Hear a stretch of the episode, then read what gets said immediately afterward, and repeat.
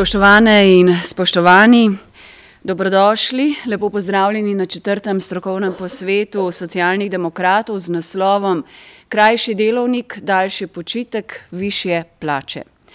Ko že naslov panela pove, se bomo danes pogovarjali o zelo aktualnih prihajajočih izzivih na trgu dela, vprašanju vloge in pa pomena dela v družbi in siceršnjih socialnih in ekonomskih odnosov. Potem ko smo se v prejšnjih posvetih, ki smo jih imeli do zdaj v vprašanju, namenili energetske revščine, zdravstvenega sistema, dvigu dodane vrednosti gospodarstva, me danes izredno veseli, da lahko v naši družbi pozdravim številne odlične sogovornice, sogovornike, s katerimi želimo izmenjati stališča in poglede na rešitve, ki smo jih v osnutek našega predvolilnega programa z imenom Nov začetek zapisali v Socialnih demokratih, in verjamem, da ste uspeli vsaj del pogledati.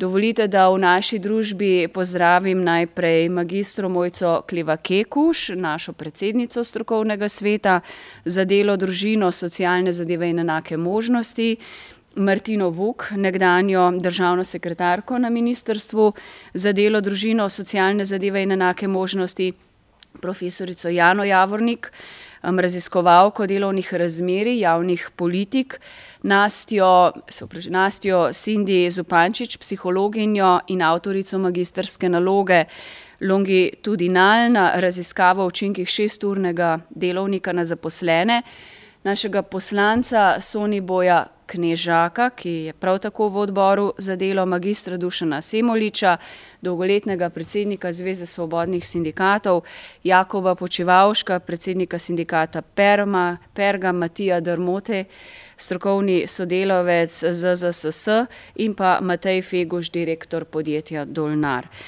Zdaj, hvala vsem za udeležbo, mi že dolgo časa opozarjamo, da v slovenski družbi potrebujemo dogovor o prihodnosti dela, in to je tudi danes izhodišče za našo debato, tudi za izzive na področju dela in ekonomskih ter socialnih razmerij, o katerih govorimo tudi v osnutku programa za, velike spremembe za razvojno desetletje do leta dvajset trideset.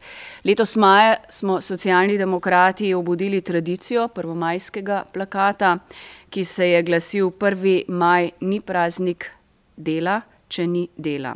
Danes sicer Slovenija beleži celo pomanjkanje delovne sile v določenih panogah, in nizko stopnjo brezposelnosti, žal obstajajo ocene, da so trenutne razmere na trgu dela zgolj začasne, glede na visoko zadolževanje, ki ga imamo, in veliko količino dolžniškega denarja, ki je trenutno v obtoku.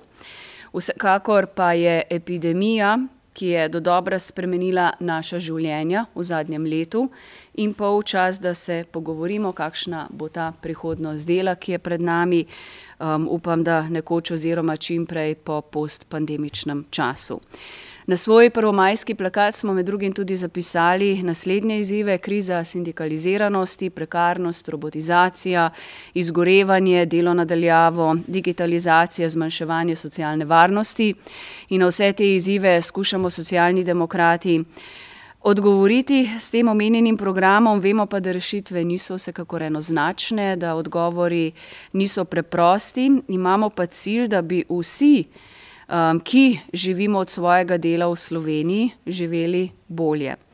Da bi imeli višje plače, več časa za počitek in ja, tudi o skrajšanju delovnika govorimo kot dolgoročnem cilju, ki pa mora temeljiti seveda na dogovoru vseh socialnih partnerjev, o čemer bomo govorili danes. Vemo tudi vse pasti, ki so na tej poti, vemo, da je to mogoče tudi provokativna, politika, zlasti v času, ko smo še nekje na, koncu epidemije, upam, da koncu. Istočasno smo Socialni demokrati prepričani, da mora biti, pošteno delo pošteno plačano, zato smo že v prejšnjih tednih zahtevali sklic nujne seje v državnem zboru glede prepotrebnega dviga minimalne plače v naslednjem letu, glede na višino vedno višje življenjske stroške, od dražje hrane, energentov in tako naprej. Naš cilj je minimalna plača znašati mora vsaj 800 evrov neto, ampak sočasno je potrebno zagotoviti tudi dvig osnovne plače drugih, saj je ob dvigih minimalne plače potrebna tudi ustrezna korekcija plačnih razmeri. Drugi izziv, ki je res prisoten na slovenskem trgu, je prekarnost, nestabilne kratkočasne oblike dela brez ustrezne socialne in materialne varnosti delavk in delavcev. Tukaj si želimo dogovor s socialnimi partnerji o uvedbi tako imenovane enotne pogodbe o zaposlitvi, ki bi odpravila segmentiranosti na trgu dela. Pri čemer želim res povdariti, nikakor ne na račun nižjega ali nižanja uveljavljanja pravic delavk in delavcev iz naslova delovnega razmerja. Naše izhodišče pri reševanju tega problema je naslednje. Fleksibilnost bi se morala plačati in ne izplačati. Seveda nam izzivov ne bo zmanjkalo, epidemija je prenesla naše službe tudi v naše domove, danes živimo precej tudi v času dela na daljavo in moramo na novo urediti tudi način in pogoje za delo na daljavo. Mi zagovarjamo pravico do odklopa, tako imenovano pravico do odklopa, ravno te dni so recimo naši kolegi na Portugalskem sprejeli zakon, da je po novem, delodajalci izven delovnih ur ne smejo kontaktirati in diktirati delovnih obveznosti svojim zaposlenim. In to je eden od primerov, kako lahko izboljšamo to ravnovesje med delom in zasebnim življenjem. In zdaj grem k našemu predlogu o postopnem skrajšanju delovnega časa. Po zgledu pilotnih projektov iz tujine, tudi primerov dobre prakse v Sloveniji, me posebej veseli, da se je danes pridružil nam tudi gospod, Feguš iz podjetja Donar, že danes imajo tam šesturni delovnik. Želimo res videti, kakšni so pogledi na možnosti postopnega skrajšanja in uvajanja dvaintrideseturnega delovnika.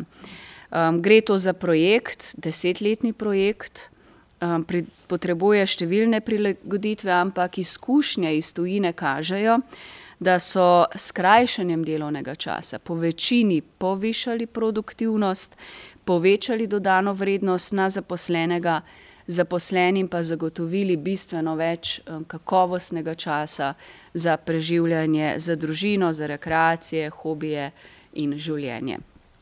Zdaj vidimo, smo pred resnimi izzivi, kako na eni strani, zagotoviti minimalne plače, da pridemo na raven dostojnega življenja, kako odpraviti prekarnost, na novo urediti delavske pravice, primerne razmeram enaindvajsetega stoletja. Zdaj bi pa najprej povabila k besedi kar kolegico Mojco Kleva Kekuš, da nam natančneje predstavi, česar že ni bilo omenjenega iz naših predlogov. Mojca, izvoli. Najlepša hvala za besedo. Tukaj sem v predvsem v vlogi predsednice strokovnega sveta, ki se je skoraj pol leta ukvarjal s temi predlogi, s temi idejami in pripravil, celotni del, celotno področje sociale, dela, družine in enakih možnosti. Mi smo vse te ideje in predloge, proučili z vidika študij, ki ki jih imamo pač na razpolago, in dobrih praks, ki smo jih, lahko poiskali v tujini. In če je nekaj skupnega vsem dobrim praksam, ki smo jih predelovali, je to, da so to progresivne vlade oziroma vlade, kjer so socialdemokrati vsaj v koaliciji, če ne v, če ne da, če ne celo vodijo to vlado. Zato verjamemo, da smo kot stranka, Socialni demokrati v Sloveniji tisti, ki se lahko s takimi idejami, se jih lahko resno lotimo in se jih v bistvu na način, da si vzamemo na prihodnje desetletje, kot je že naša predsednica Tanja povedala, in jih proučimo iz, in poskusimo neke, neke variante teh predlogov, ki so v tujini uspeli, spraviti na neko slovensko, s kulturo in vrednotami, ki jih Slovenci imajo, na neki način, ki bi mi te ki bi jih mi sprejemali. dejstvo je, da si Slovenci in Slovenke zaslužimo neki trg dela, ki, ki je primeren času v enaindvajsetem stoletju in času, v katerem živimo.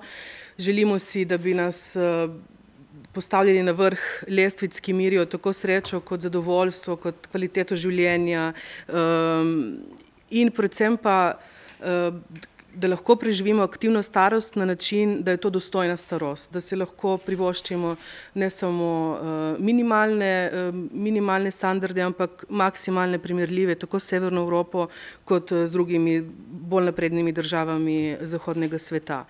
Če samo začnemo z trgom dela in začetkom vstopa na trg dela, se pač najprej pogovarjamo o minimalni plači. Postavili smo si res ta cilj povišati minimalno plačo na 800 evrov, kar smo že večkrat izpostavili v našem programu, postavili med tistih deset glavnih prioritet, ki jih imamo. Um, Hkrati pa vedno in vse lepo povdarjamo, da minimalna plača ne sme, ne sme biti za mnoge maksimalna plača. To je samo tista osnova, začetek, kjer se uh, skupaj poenotimo, da ne želimo imeti revnih zaposlenih, ne smemo imeti več eh, ljudi, ki dela polni delovni čas, ampak ne uspe preživeti s, uh, s to plačo. In vprašanje v bistvu minimalne plače in uh, položaja dela v naši družbi je po našem stališču tipično vprašanje kvalitetnega uh, socialnega dialoga in zato me res veseli, da ste danes z nami uh, tisti, ki ga sooblikujete in ga oblikujete. In to niso naprimer stališča trenutne sedanje vlade in zaradi tega jih mi postavljamo kot, uh, kot prednostne naloge, ki se jih bomo lotili v naslednjih mesecih in v naslednjem desetletju. Uh, Kot je naša predsednica že omenila, so, smo, govori, smo se veliko pogovarjali o novih oblikah zaposlitve. Nekako nas je, če smo lahko hvaležni COVID-u, nas je brcnil dobesedno uh, korak naprej, kar se tiče vseh teh novih oblik zaposlitev, ko se um, kot so nastale platformske, platformske službe, ki smo že prej poznali v Sloveniji, ampak so se razširile v zadnjem letu, letu in pol.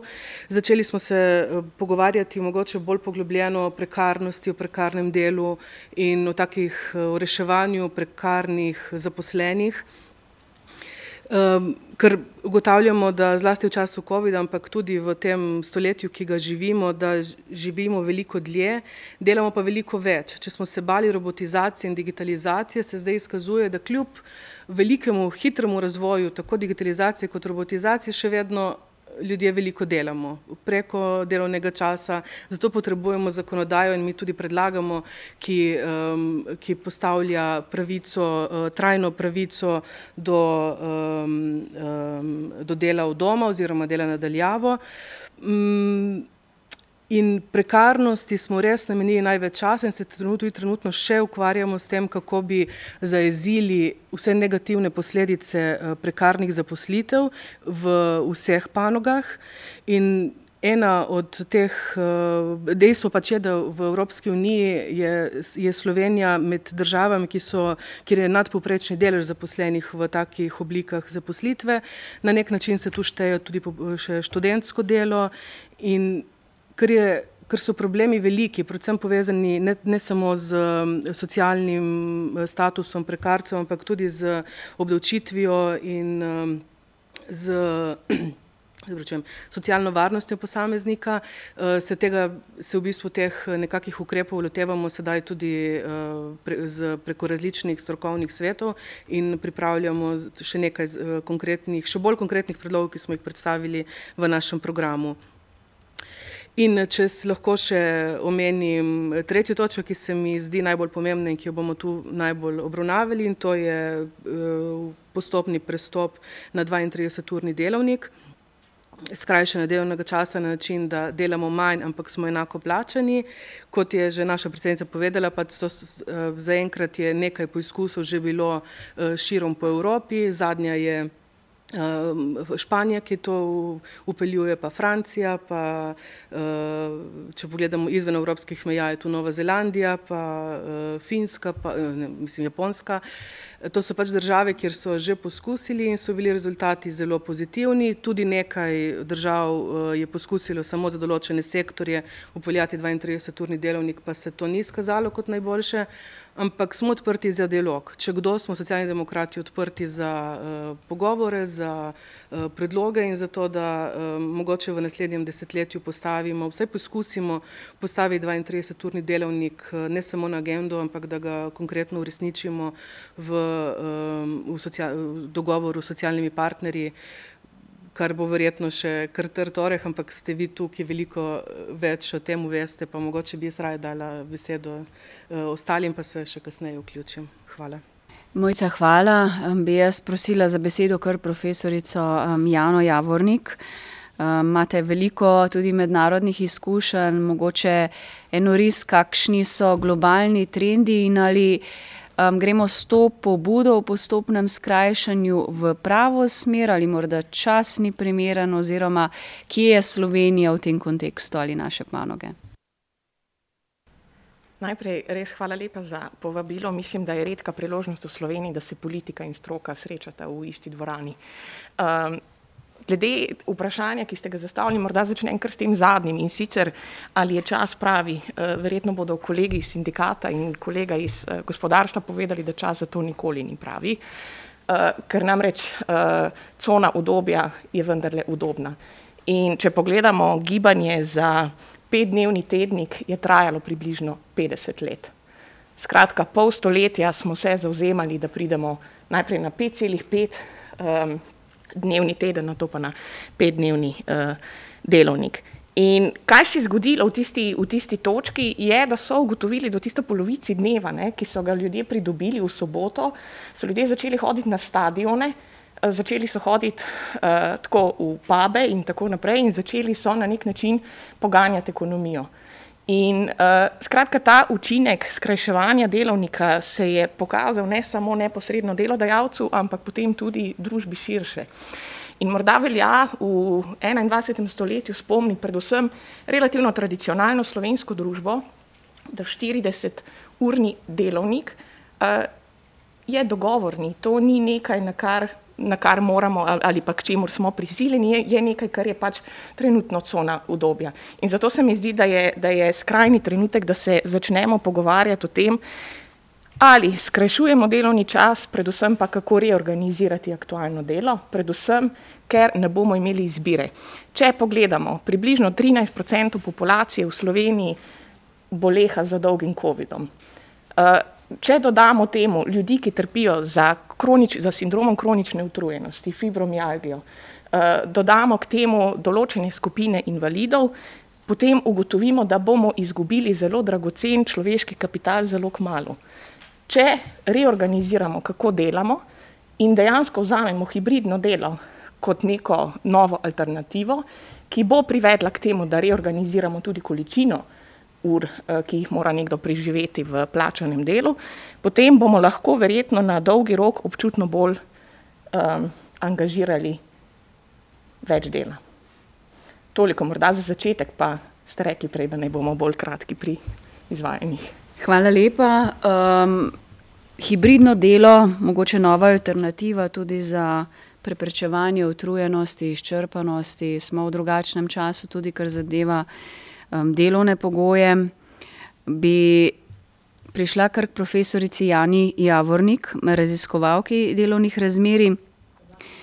Se upravičujem, se upravičujem. sem zamešala. Želela sem reči, gospe Nasti Sindi Zupančič, pa sem na robe pogledala, psihologini, eh, vi ste magistrirali um, na tem področju, pa me zanima, kak je vaš pogled na to, je zdaj pravi čas ali lahko skozi COVID mogoče izkoristimo priložnost, ko so ljudje več na domu, ampak ne na način, da jim delodajalci zdaj po 24 ur zaradi digitalizacije nalagajo dodatne naloge. Hvala za besedo in hvala za povabilo. Um, jaz sem vesela, da se kot, sploh, kot predstavnica mlajše generacije, da se dotim, dotikamo takih uh, tematik in uh, da se odpirajo ne sploh vprašanje tega krajšega delovnika. Zdaj, v svojem magistrskem delu sem se osredotočila predvsem na te psihološke vidike, ne prehoda iz 8 na 6 urni delovnik. To se pravi, recimo, kaj se dogaja z zadovoljstvom življenjem, z zadovoljstvom z delom, z zavzetostjo, uspešnostjo in pa s konfliktom med uh, delom in družino. Predvsem to so bili tisti konstrukti, na katere sem se osredotočila. Uh, zdaj, mogoče, če že na kratko na začetku povzamemo te rezultate. Um, Pri vseh teh konstruktih smo opazili, da so se um, v bistvu nekako zviševale, ne se pravi, zviševalo se zadovoljstvo z delom, zauzetost in tako, ampak um, rezultati so bili pa dejansko, rečeno statistično, značilni le pri zadovoljstvu življenjem in pa pri zmanjšanju konflikta med delom in družino. Ne. To je treba izpostaviti, pa že so Tukaj bi lahko z malo večjo gotovostjo trdili, da se to izboljšuje, ne? pri drugih pa vidimo, da grejo v pravo smer, je pa zagotovo potreben uh, večji vzorec. Jaz res spodbujam tudi podjetje uh, Donor in pa Skaza, ki sta se v Sloveniji ne, za to že odločila. Uh, bi povdarila, da tukaj gre res za sistemsko uvedbo, to se pravi, plača in ostale ugodnosti ostanejo enake, ne? ker imamo v Sloveniji. Kar nekaj podjetij, ki so sicer prešla na ta krajši delovnik, ampak pod pogojem zmanjšanja plače, in, in tukaj ne moramo enako meri teh učinkov. Zdaj pa mogoče, če se vrnem na tole uh, vaše vprašanje glede hibridnega dela. Ne? Um, tukaj je treba ločiti, zdaj skrajšen delovnik in pa prilagodljiv delovnik ni enako. Ne? Sicer se nekaj se povezujejo v določenih točkah, recimo prilagodljiv delovnik pomeni, da lahko uh, zaposleni recimo zjutraj dela nekaj ur, si vmes vzame pauzo, potem kasneje spet dela nekaj ur, ne? ampak še vedno govorimo o 40-urnem uh, delovniku. Uh, Medtem ko recimo pri tem krajšem delovniku pomeni, da delajo pač 6 ur, zdaj odvisno, ali je to prilagodljivo ali ni, to se pravi, ali jih delajo kosu, um, je pa pač stvar dogovora med zaposlenimi in delodajalci. Uh, se pa strinjam, da so v mnogih raziskavah ugotovili, da je tudi prilagodljiv delavnik ne, um, velik, uh, velik faktor no, pri tem, da se zaposleni lahko um, bolje počutijo, so bolj zauzeti in uspešni, ne, ker tudi to uh, omogoča prilagajanje svojega prostega časa. No. Ne smemo pa tega enačiti. Tako da oboje je nekam. Um, korak v pravo smer, um, gre pa za dve različni stvari. No. Tako da to mogoče zaenkrat z moje strani. Hvala lepa. Um, bi zdaj prosila predstavnika oziroma predsednika sindikata Pergam, gospoda Počevalška. Že zdaj se nekje soočamo z neko plačno kompresijo. Verjetno se strinjate, da je treba ob dvigu minimalne plače um, potrebno dvigniti tudi druge osnovne plače in obdržati ustrezna plačna razmerja. To je ena stvar, kako lahko tukaj država eh, skupaj s sindikati, predstavniki gospodarstva najde ustrezno rešitev in kje mogoče vi vidite ključne izzive, ko se pogovarjamo o prihodnosti dela in do odnosa, ali smo um, že pripravljeni, da razmišljamo o postopnem skrajšanju delovnika. Ja, hvala lepa, lepo pozdravljeni tudi z moje strani. Um, zdaj, odprli ste kar velik tem, ki bi mi vzeli zelo veliko časa, če bi hotel vse natančno obdelati. Uh, pa naj začnem morda uh, na koncu, uh, ker so že moji predhodniki tudi govorili o 32-urnem delovniku. Jaz absolutno menim, da je čas za to, da se začnemo o tem pogovarjati. To je tudi mimo grede ena od eden od ciljev, ki ga ima Konfederacija sindikatov Slovenije, Pergam, zapisan v svojem programu. Um, problem v Sloveniji je, da marsikje že 40-urni delovnik ni uh, spoštovan. Uh, po um, evropski raziskavi pogojev dela um, 28 odstotkov zaposlenih poroča o tem, da delajo več kot 40 ur na teden. Tako da prvi izziv, po mojem mnenju, uh, seveda je spraviti delovni čas v tiste okvirje, ki jih trenutno sploh po zakonu imamo. Uh, to pa seveda ne sme preprečevati uh, razmisleka in poskusov uvedbe 32-urnega delovnika, pri čemer je treba biti tukaj, po mojem mnenju, nekoliko bolj natančen. Ne? Težko, težko je vsa delovna okolja tukaj spraviti pod isti imenovalec, tukaj so pogoji zelo različni imamo pač storitvene dejavnosti, eh, imamo proizvodne dejavnosti, tudi med proizvodnimi dejavnostmi ni povsod enako, ne? nekatere pač po naravi stvari eh, laufajo 24-7, in tam so izzivi uvedbe to vrstnega skrajšanega delovnega časa bistveno drugačni. Kar seveda ne pomeni, da se tega ne da, so pa verjeten izzivi tukaj bistveno večji. Na eni strani tudi lahko povezani recimo s tem, da primankuje delavcev ne, in da opažamo v praksi to, da je ta del, ta element uh, prostega časa postaja zelo pomemben faktor. Zelo pomemben faktor, ki je enak, včasih celo pomembnejši od plačila za delo, seveda pod pogojem, da je plačilo za delo že v osnovi tako, da omogoča delavci neko, neko dostojno preživetje. Um, in verjetno bi se vsi lahko strinjali, ne, da zlasti delavci v rekel, najtežjih panogah, kjer fizično delajo tudi v proizvodnji, ne, bi si morda še, še celo najbolj zaslužili ta uh, skrajšan delovni čas in v bistvu več počitka, ne na zadnje, to povezan tudi z izzivi, kasneje z um, bolj kvalitetnim preživljanjem starosti in, in tako naprej. Ne. Zdaj, uh, kar se tiče izzivov uh, prihodnosti dela, mislim, da jih je uh, zelo veliko, zagotovo so povezani z, z iz, uh, izobrazbo in uh, veščinami, ki bodo morali imeti um, delavci za poklice prihodnosti. Zagotovo so izzivi um, nove oblike dela, zlasti platformsko delo, uh, v povezavi s prekernimi oblikami dela, ki smo jim danes priča. Uh, zagotovo izziv, uh, je velik izziv, po mojem mnenju, um, delo nadaljavo. To, kar smo slišali, so zagotovo prvi koraki, pravica do odklopa, eh, pravica do dela nadaljevanja. Ampak tukaj mislim, da je še vrsta drugih izzivov, ki nas čaka, ki so potem v nadaljevanju povezani z, povezani z zasebnostjo, povezani z spoštovanjem odmorov in počitkov. Ki, jih, ki jih jim je težko slediti v takem, rekel, lastnem razporejanju delovnega časa, uh, in pa po mojem mnenju, z uh, razvojem, seveda, in uh, avtomatizacijo, robotizacijo, mislim, da se bodo začela odpirati vedno bolj tudi uh, nekatera zelo zahtevna vprašanja, povezana s financiranjem sistemov socialne varnosti, um, ki, po mojem mnenju, v tem trenutku, nažalost, na večini področji niso v prvem planu, ampak mislim, da je, je pomembno se s temi zadevami ukvarjati. Mimo grede, prej na začetku ste omenili predlog enotne pogodbe o zaposlitvi. Eh, to je bil predlog že pred časom uh, za zmanjševanje pre, prekarnosti, ki je zagotovo tudi eden od izzivov.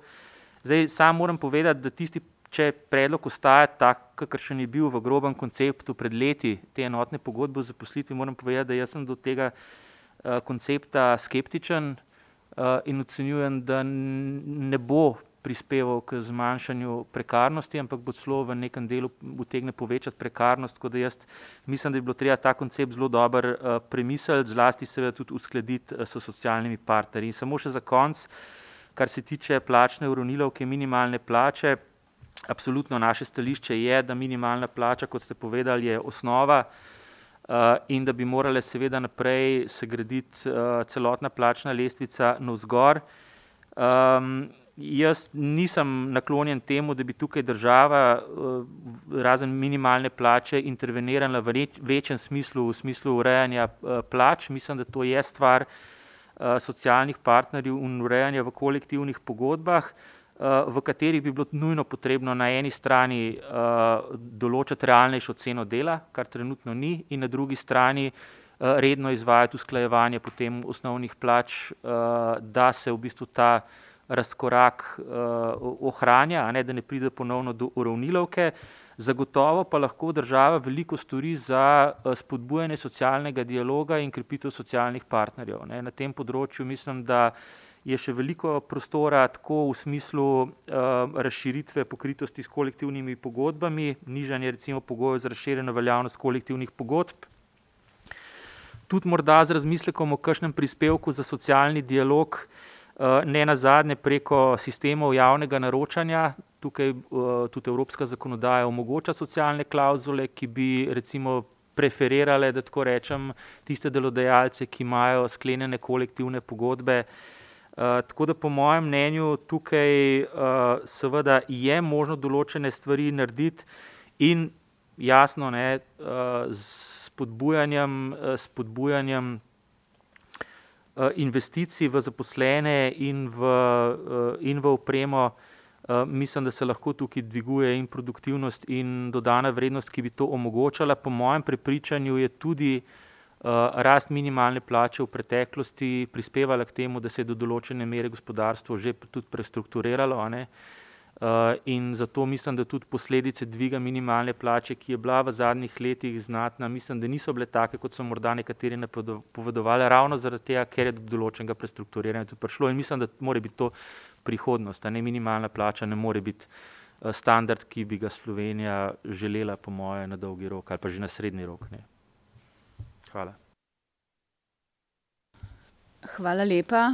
Um, Ravno včeraj smo v Evropskem parlamentu glasovali za začetek pogajanj za direktivo o minimalnih plačah. Bila je kar lepa večina, tako da to je bil en zelo spodbuden korak, dobra novica za celotno Evropsko unijo. Pa zdaj grem pa nazaj konkretno na podjetje Donar. Gospod Matej Feguš, sem vesela, da ste z nami, šesturni delovnik pri vas že velja, pa bi imela zdaj seveda vsa ta vprašanja, ne? Uh, kaj pomeni to za zaposlene, se je povečala vaša produktivnost, ste obdržali enake plače, ste morali prilagajati vse ta postopek, kakšna je izkušnja. In enkrat v intervjuju za delo ste dejali, da bi radi slišali argumente politikov, ki so proti uvedbi skrajšanega delovnega časa. Hvala za vabilo. Uh, jaz bom si vzel samo ne dva koraka nazaj, zato ker se mi zdi pač, da je čas ne samo zdaj, pa takoj, ampak da je to zelo enostavno. Namreč tako je potrebno omogočati podjetjem, ki si to lahko prvošijo, skrajšani delovni čas. To zdaj razen časa COVID-a sploh ni bilo možno. Mi smo imeli naprimer največje težave, ker moramo še zmer voditi, ko delamo 8 ur, čeprav prispevki plače ostajajo enaki. Tako da jaz mislim, tukaj ni nobene ovire, da se vsaj temu delu gospodarstva, ki lahko na ta način dobi mlade kadre, kadre, ki bi v bistvu, ki vzgajajo družine, ki želijo biti več z otroci, um, da se jim to omogoči takoj. Um, kar se pa tiče ostalega, se pa jaz naprimer uh, strinjam z gospodom Počevaškom, da tam, kjer je pač plačana delovna sila, Se pravi, tam, ko govorimo o urni postavki, ki je edina prinese ta, to, kar rečejo angliži labor oziroma tlako, ne, um, je pa treba razli, raz, pač razlikovati med tem, da tudi jaz vedno govorim, razlika je med poklicom, tisto, kar si mi želimo delati, za tisto, kar smo poklicani, med delom, ki ga dejansko upravljamo, in pa tlako, ki nam zagotavlja preživetje. In če si jaz skrbim za to, da bom preživel zelo težko prispevam družbi, ker je moj edini strah pred tem, kaj bom jedel jutri, kaj bo jedla moja družina. Naš razlog, zakaj smo šli na šesturni delovnik, je bil zelo preprost. Um, prvič, um, ker smo podjetje, ki gledamo veliko širše, mi smo tudi primer dobre prakse krožne ekonomije, zero waste, ne samo v Sloveniji, tudi v Evropi. In jaz vidim delovnik ali pa skrajšan delovnik kot en mozaik v prehod v boljšo družbo, um, kjer se ne strinjam, da je to vse en levi ali pa desni politiki, ker mislim, da na koncu vsi želimo biti več z družinami, bolj kvalitetno živeti. In pri nas je bil razmislek o tem, kako lahko z manjšim obsegom dela obdržimo vse zaposlene pri enakih plačah. In smo se enostavno odločili, da bomo pač skrajšali delovnik, to v praksi pomeni, da je šest ur efektive, približno eno uro je pa tiste pauze, malce, kar pride še vmes, ob enakih plačah, ob enakih nadomostilih, pod pogojem, da je delo opravljeno. Bistveno več je načrtovanja, tukaj je treba povedati, da pač tukaj je procese treba potem prilagoditi temu, da se ve, koliko naprej, kaj se da pripraviti, Ključno je bilo pa tudi to, ker se nam je v podjetju začelo dogajati, da kadrov um, smo pohištvena industrija in naprimer nismo uspeli dobiti tapetnikov, plačilo tukaj ni težava. Ne. Um, mislim, da mi spoh ne govorimo o minimalni plači, um, ker jih enostavno ni. In zdaj, kako naše tapetnike, ki so stari v poprečju 45 do 50 let, čim dalj časa zadržati, um, glede na to, da se pa pojavljajo poškodbe pri delu, ki so povezane predvsem s tem, da ljudje delajo skozi ene in iste operacije. In enostaven zračun je pri šesturnem delovniku je iztrošenost, jaz zelo nerad to uporabljam, eh, zaposlenega po 40 letih 30 let, se pravi, da je lahko na svojo željo vsaj še 10 let aktiven. Po drugi strani je pa lahko vsaj 10 let ne na breme zdravstvene blagajne, ker je treba povedati, da ljudje, ki po 40 letih polne delovne dobe iztrošeni, grejo v pokoj, v zelo veliki meri končajo na bremenu zdravstvene blagajne. In če gledamo celo malho denarja, ne, um, bi tukaj jaz si upal trditi, da je več prihrankov za skrajšanim delovnim časom, kukar s tem, da še naprej z, diga, z digitalizacijo, robotizacijo, kjer že bistveno več delamo, um, to ne izkoristimo. Um, zdi se mi pa še pomembno sam to omeniti, um, da je treba razumeti tudi v tem pogledu enakost med spoloma. Um, raziskave, ki se delajo glede skrbstva, starševstva, gospodinstva, že danes kažejo, da ženske upravljajo tudi do šest ur več dela kot moški. In skrajševanjem delovnega časa bi bilo nujno potrebno tudi ta del nagovoriti v smislu izobraževanja. In jaz pač to v podjetju delam, da vodim zgledom in se zelo veliko to pogovarjamo. Mi smo vsem proizvodna dejavnost, tako da razlika v izobrazbi pa v letih je zelo velika. Mi imamo ljudi, ki imajo dokončano osnovno šolo, do tega z magisterijem in je pač pogovor seveda vedno drugač. Če si pa zgled in se o tem pogovarjaš, kaj to pomeni, ko ti priješ domov, da skuhaš kosilo, da si z otroci, mi smo imeli težave z alkoholizmom, um, pa je celo podjetje pomagalo, pa smo imeli težave uh, v družini, kjer so se uh, zakoni razdirali. In če si več časa doma, lahko na tem delaš. In to tudi na psihičnem učinku kvalitete življenja vpliva tudi pri delu. Če ti priješ od doma, kjer uh, družinske razmere niso urejene, si tudi težko skoncentriran pri delu, pojavljajo se napake in iz tega tudi podjetje na ven uh, slabo zgleda. In zato je spravno, da pač o tem, ko se pogovarjamo o delu, je treba gledati bistveno širše. Predvsem v prihodnosti jaz že danes vem, da mlade bo zelo težko prepričati za neko delo, tako kot sem bil jaz navajen, da greš pač v eno podjetje in 20 let delam v istem podjetju, tega praktično ne bo več in jih bo treba motivirati in nagrajevati z različnimi oblikami. Ali je to zdaj več prostega časa, več dopusta, ali je to zdaj skrajšani delovni čas, oziroma predvsem način, da bodo lahko sami o tem odločali.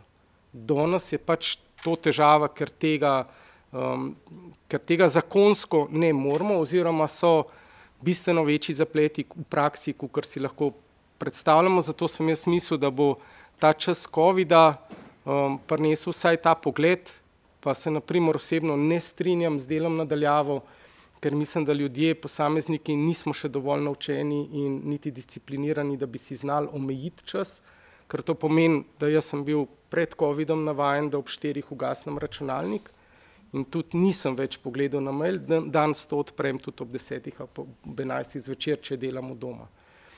Um, in, in tukaj mislim, da pač ne, gled, ne moramo tega omejiti zakonom, kar je nujno pač izobraževanje, in pa eh, komunikacija na vseh področjih. Ne. Jaz tukaj vidim veliko prihrankov v javni upravi, naprimer, kjer bi lahko z isto produktivnostjo delali manj, pa bili koristni kje druge, v smislu dela doma, um, pa se to ne bi nikjer poznal. Je pa seveda pomembno, da ljudje vejo, kdaj pač se delovni čas konča, razen če je to poklic. Ne. Meni osebno ni težava odpreti mail ob desetih, enajstih zvečer zato ker to rad počnem. Ne morem pa tega enako pričakovati od nekoga drugega. Da, hvala. Hvala lepa in hvala tudi, da ste odprli ta vidik ženske, ker pogosto v razpravah, ko govorimo o skrajšanem delovnem času, se odpre prav uh, ta vidik ženske, ki ob poklicu delajo še eno zaposlitev praktično doma v gospodinstvu, zdaj skozi COVID pa še bistveno bolj. In, včasih slišim, da je ta skrajšani delovni čas politika, ki je namenjena celo bolj ženskam. Ampak grem zdaj naprej v pogovoru um, do Matije Drmota, strokovnega sodelavca iz Zveze svobodnih sindikatov Slovenije. Zdaj, enega takega primera uspešnega podjetja, ki že deluje šesturnim delovnikom, se vsi zavedamo, že rečeno je bilo, da ni mogoče prenesti zdaj na vse panoge v gospodarstvu, zlasti delovno intenzivne. Tu se pojavljajo tudi drugi problemi, recimo um, praktični vidik skrajšanega delovnega časa v velikih trgovskih verigah. Če dam za primer nekega, ne vem, Hoferja, Lidla v Sloveniji, zdaj tu imamo potem tudi področja ali pa izzive socialne varnosti, zaposlitvenih pogodb. Mogoče vaš pogled do um, te pobude, pa hkrati bi prosila še za komentar, kar je omenil že kolega z um, Pergama, da je skeptičen do predloga, ki je bil vsaj nekaj let na mizi, do enotne um, pogodbe o zaposlitvi. Kako vi to gledate? Hvala. Ja, hvala in lepo zdrav. Najprej moram opravičiti kolega Andreja Zorka, ki je bil prvotno povabljen. Uh, vem, da bi se z veseljem udeležil, ampak žal uh, ima druge neodložljive uh, obveznosti. Drugače pa ja, jaz se strinjam, da je čas pravi uh, za pogovor, če ne že celo malo zamujamo ne, o uh, skrajšanem polnem delovnem času. Ne. Vi ste sami izpostavili uh, v tujini to že pilotni, uh, pilotni projekti se izvajajo. Ne. Zanimivo bo spremljati ta španski eksperiment. Ne. Poznamo uh, primer uh, Microsofta na japonskem, kjer so dvignili produktivnost za 40%, celo ko so skrajšali delovni čas. Uh, tako da uh, izkazujejo se številni pozitivni vidiki tega. Um, potrebno je ob vsem tem uvajanju, zdaj veliko govorimo o uvajanju novih tehnologij, o digitalizaciji, avtomatizaciji, to nam vse omogoča, da več naredimo v manjšem, v krajšem času, ne. Uh, tako da bi bilo potrebno resno razmisliti, da poleg družbenega proizvoda upoštevamo tudi neko kvaliteto življenja, potem ko ocenjujemo uspešnost nekega gospodarskega modela. Ne. Uh, Omenili ste uh, problematiko žensk, to tradicionalno skrb za otroke. Ne. Uh, definitivno skrajševanje uh, delovnega časa omogoča lažji stik žensk s trgom dela, ne. lažji vstop na trg dela, lažje usklajevanje poklicnega uh, družinskega življenja in za moške in za ženske. Ne. Opažajo tudi, da so delavci bolj prisotni, bolj skoncentrirani na delu, ker vejo, da imajo več časa za svoje osebne zadeve. Ne. To so vse neki pozitivni vidiki uvedbe skrajšanega delovnika. Ob tem pa seveda je treba poštevati, da je potrebno ohranjati pravice. Ne. To ni razlog za zniževanje nekega standarda, recimo za nižje plače, za ukinjanje odmorov in tako naprej. Ne. Potrebno je ohraniti tek pokojninske dobe, recimo. To so bili problemi v praksi v teh trgovskih verigah, ne. ker ni bilo možno po zdajšnji zakonodaji formalno znižati delovnega časa pod 36 ur, ne, zaradi teka delovne dobe, ne. Tako da tukaj je gotovo neki problem, ki ga bo treba obravnavati. Hkrati jaz sem prepričan, da bo potrebno v sklopu obravnavati in skrajšanje, delovne, uh, skrajšanje delovnega časa in te nove oblike dela, platformno delo, delo nadaljavo, da ne bo uh, to skrajšanje samo navidezno. Ne. Zdaj, veliko delamo nadaljavo, uh, opazili smo, kot ste vi omenili, ne gospod Feguš, da delamo več. Ne. Zdaj, če mi kombiniramo skrajšan delovni čas, delo nadaljavo, uh, je pomembna tudi ta pravica do odklopa, ki jo omenjate v vašem programu. Uh, tako da to je stvar, ki jo treba jemati kot celoto. Uh, kar se tiče enotne pogodbe o zaposlitvi, se strinjam s kolegom Počivaškom. Uh, vsekakor smo skeptični, če bi bil predlog takšen, kot je bil pred leti. Uh, predvsem zato, da ne bi bila ta enotna pogodba samo navidezno zmanjševala prekarizacije, ki bi se potem pač dogajala v sklopu enotne pogodbe, v kateri obstajajo neka različna obdobja pridobivanja nekih pravic. Ne. Uh, absolutno smo proti temu, da bi se uh, pravica do neke pravne varnosti pridobivala na podlagi delovne dobe pri delodajalcu. Ne. Tako da tukaj bi bila potrebna absolutno um, širša debata glede tega, kakšen koncept bi sploh bil te uh, enotne pogodbe. Zaenkrat uh, še nimamo nekih konkretnih predlogov, ne? tako da kaj več kot tisto slabo izkušnjo iz preteklosti niti nimamo. Ne? Um, tako da pa pozdravljamo pa seveda ta uh, dialog, ne?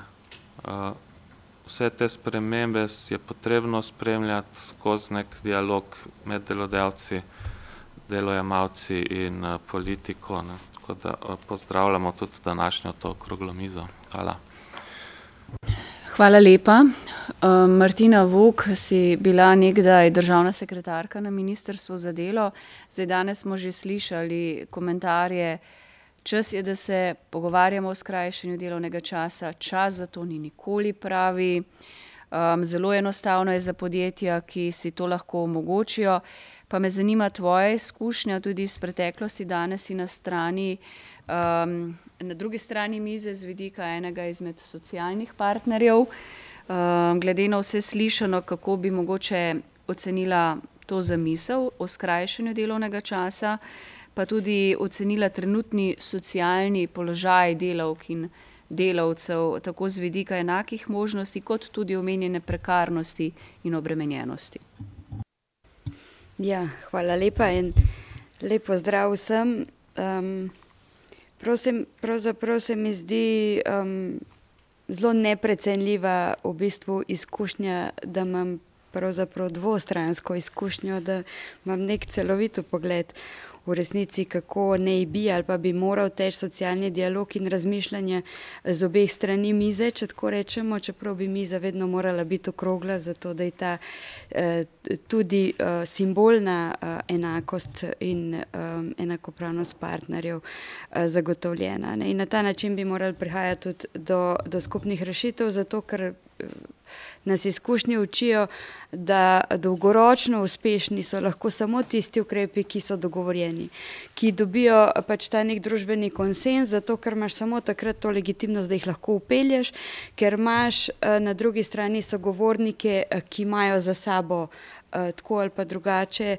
ne deležniki, ki jih lahko prepričajo in s katerimi že vnaprej pač uskladijo eh, te zadeve in tako lahko pač dolgoročno eh, rešitve zaživijo. Če so rešitve enostranske, če so hitre, če so nepremišljene, potem so zelo kratkega teka in dogaja se pač ta družbeni nemir, ne?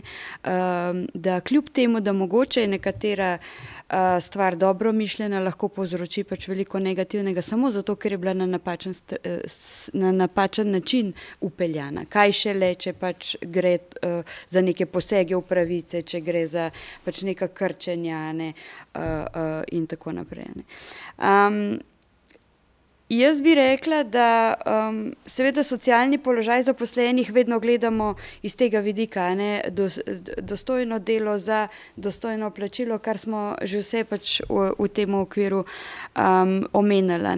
Uh, torej, dostojno delo mora biti uh, varno, mora pač uh, varovati zdravje zaposlenega, mora biti tudi um, neka motivacija za to, da vendarle vložiš, da vsaj približno lahko postane to poklic, ne samo boj za preživetje. Um, uh, in seveda dostojno plačilo pa za to, da ti lahko ta svoj prosti čas, ki ti ravno tako mora biti zagotovljen, a ne kvalitetno preživiš in da lahko uh, v končni fazi govorimo o kakovostnem, uh, kakovostnem načinu življenja. Jaz mislim, da bi morali uh, priti do, do, do tega, da je že zdavnaj preživeto merjenje uspešnosti družbe po bruto domačem proizvodu. Zato, ker lahko pogledamo katere koli analize po svetu, a ne rast BDP ali pa visok BDP, je daleč od tega, da bi se avtomatično uh, pre, pre, pre, prenesel ne, v kakovo življenja ljudi, v zmanjšanje neenakosti, v uh, uh, dvig um, dohodkov za vse, v večjo egalitarnost družbe, v ne, uh, tudi več, več, več boljše zagotavljanje zdravja, drugih javnih storitev. Izkušnje so zelo različne, ampak ta, te, ta razlika je v tem, kako se odločevalci v tem dialogu, ki sem ga prej omenjala, ne, odloča, da bojo pač eh, to ustvarjeno eh, porabili in namenili. Eh, in, in če te podstati nimamo, potem je zastojn pač iti v, v, uh, in, in uh, pač uh, govoriti o teh mantrah, ne, kako visoka gospodarska rast nam bo zagotovila pač kakovostno življenje. Ne bo nam, ne. Ne bo nam, če ne bomo pač delali na tem, da je naš cilj uh, uh, kakovost življenja ljudi. Um, Ampak mi danes, ne, ko gledamo ta socialni položaj, eh, bi ga jaz razdelila na, na, še na dva vidika. Ne. En je medgeneracijski vidik, ne, kjer imamo eh, izrazita odstopanja ne, v generacijah, ki so šele vstopile na trg dela ali pa ki so relativno kratek čas na trgu dela, pa ki šele prihajajo, ne, kjer je veliko večja negotovost uh, zaposlitve, uh, zmanjšana ta varnost, ne, zmanjšana možnost načrtovanja uh, um, za naprej, ne, odločanje za družino, zagotavljanje stanovanjskega, torej iskanje stanovanjskih rešitev, ne, ki so vse en ta osnovna podstat potem za kakovo življenja. Ne, um, in uh, nekoliko večja varnost te dlje časa zaposlenih z, z, z pogodbami o zaposlitvi za nedoločen čas, ne, um, relativno ustrezno izobraženih, ne, torej tako mislim medgeneracijsko. Ne, ne mislim, da je pa uh, starejša generacija, zlasti pa ne generacija, ki je upokojena danes, da pa ima boljši položaj, ker nam pač številke kažejo, da ga nima. Ne. Največje tveganje revščine je ravno med starejšimi, med starejšimi od 65 oziroma med eh, starejšimi od 75 let, zlasti v gospodinstvih, so, kjer so sami. Ne, večinoma gre za ženske, ker pač imamo daljšo življenjsko dobo in tam govorimo pač o izraziti revščini, a, ki se jo ne da naslavljati z ukrepi na trgu dela, kar vidimo po nekaterih predlogih, a a, ker, ker eh, je pač tam eh, cilj zagotoviti ljudem ustrezen a, dohodek in to je pokojnina ali drugi socialni eh, pač, transferi, ki jim lahko zagotoviš, in ustrezne storitve, ki jih potrebujejo, to je pa zdravstvena skrba in dolgotrajna skrba. In dokler pač tega ne bomo imeli, ne bomo mogli zmanjšati revščine eh, med starejšimi. In drugi ta vidik je pa po spolu, ne, kar je bilo danes že, že nekaj omenjeno. Ne, um, mi pač um, uh, smo še zmeraj tradicionalna eh, družba po delitvi neplačanega dela, a ne izrazito tradicionalna, čeprav se mnogi sklicujejo na tisto eno evropsko raziskavo, kjer so moški v Sloveniji, kako pravijo, največ um, dela doma, a ne pa vendarle, a ne tudi, če te številke držijo, eh, so v tej isti raziskavi pa ženske v Sloveniji opravile dvakrat več tega neplačanega dela. Ne? Torej, razmerje pač je absolutno neugodno, neustrezno in z, um, če se nekoliko izboljšuje Eh, to ravnotežje pri skrbi za otroke, eh, je pa izrazito neuravnoteženo pri skrbi za starejše, ki pa se povečuje. In še zmeri tudi pri gospodinskih opravilih. In zato je tveganje, in to je bilo izpostavljeno, to je zelo, zelo, zelo pomembno, tveganje uh, um, skrajšanja delovnega časa, če um, se ne pogovarjamo tudi o teh osnovnih podstateh, kot je enako spolov, kot je kaj se dogaja z neplačanim delom. E, e, ko ni to ponudba, boš pa ti lažje, ne šla po otroka v vrtec, ne pa še skuhala doma, ne, ker ti se lažje odločiš za šest ur, jaz se pa ne bom odločil, ker se veš, ne. E, tudi če boš isto zaslužil, je še zmer malo več zaslužen, ne, ker imamo tudi plačno neenakost, ne, v, v, v škodo ženska, ne, za isto za isto vrstna dela, ne, imamo pač so ženske in se nam povečuje ta plačna vrzel eh, eh, med spoloma. Ne, torej je treba to vzeti. Eh, v zakup, v osnovi, torej v izhodiščih pogovorov, ne, ne samo gledati z ekonomskega vidika, ali je možno zagotoviti enako plačilo prispevkov in enako plačilo za to delo, ali je možno zagotoviti enako pač dodano vrednost opravljenega dela ne, in enako količino opravljenega dela, ampak tudi to, kaj bo to prineslo na splošno, kakšni bodo vplivi. Um, v družbi, med, med spoloma uh, in tako naprej. Toliko mogoče, da ne bom kaže preveč. Martina, hvala. Še en dodaten vidik zraven si zanimivo izpostavilo ob ženskah. Še ali bo to potem možnost izbire, kako zagotoviti tu enako spolov, enak dostop do te možnosti skrajšenega delovnega časa. Verjetno se bomo tudi do tega še vrnili, ampak um, da gremo še za, k zagovornikom, ki še niso imeli besede, magistr Dušan Semolič. Zdaj, rada bi se dotaknila minimalne plače. Socialni demokrati smo jo nekako uzakonili, minimalno plačo.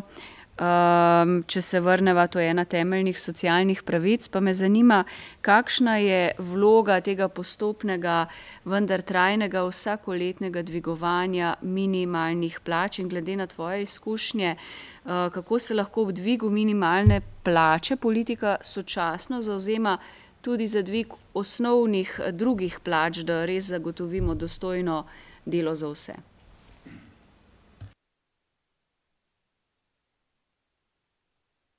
Hvala lepa za besedo. Uh, jaz se bi pomagal v odgovor na to z, po mojem, izjemno pomembnim dokumentom, ki je sprejet uh, v Evropske uniji se strani uh, Evropske komisije, Sveta Evrope in Evropskega parlamenta.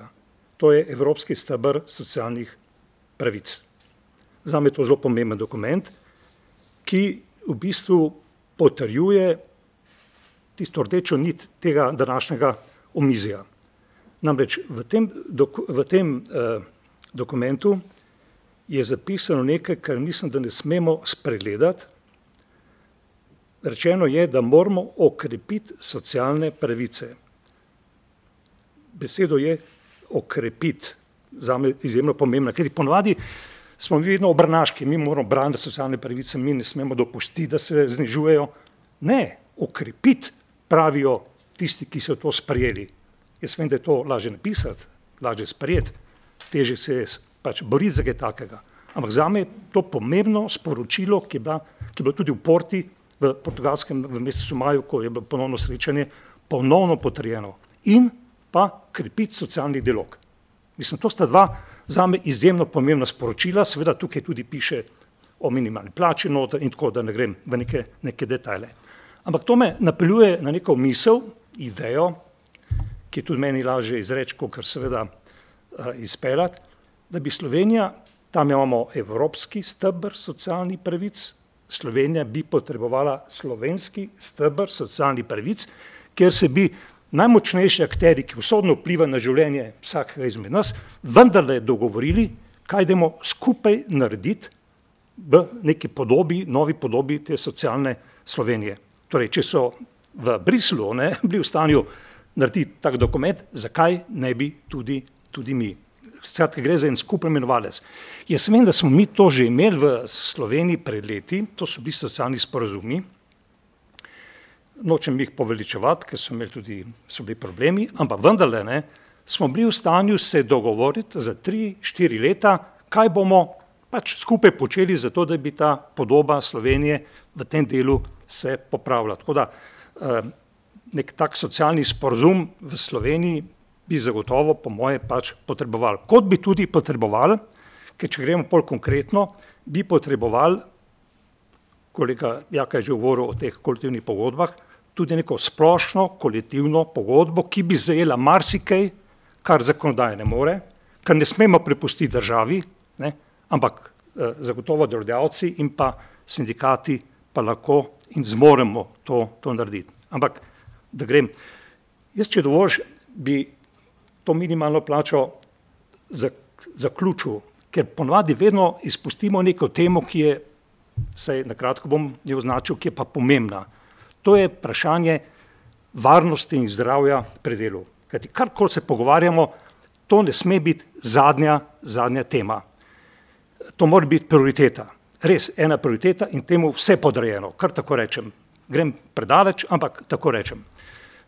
Jaz bi tukaj izpostavil samo en, en problem, ki je pa problem ne toliko delodajalcev, ne toliko pač delavcev, je problem zaradi posledic. Ampak tisto, kar pa mora država narediti, nihče drug. Ilustriram na nekem primeru.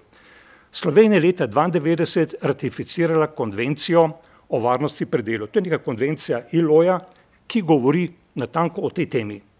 Slovenija jo je ratificirala. To da, ponazane problem, na katerega želimo pozoriti. Nič ne pomaga, ne, če je nekaj zapisano v neki zakonodaji, tudi v konvenciji, ki jo ratificiraš, če nimaš možnosti to uresničiti. In kaj se je zgodilo pri nas?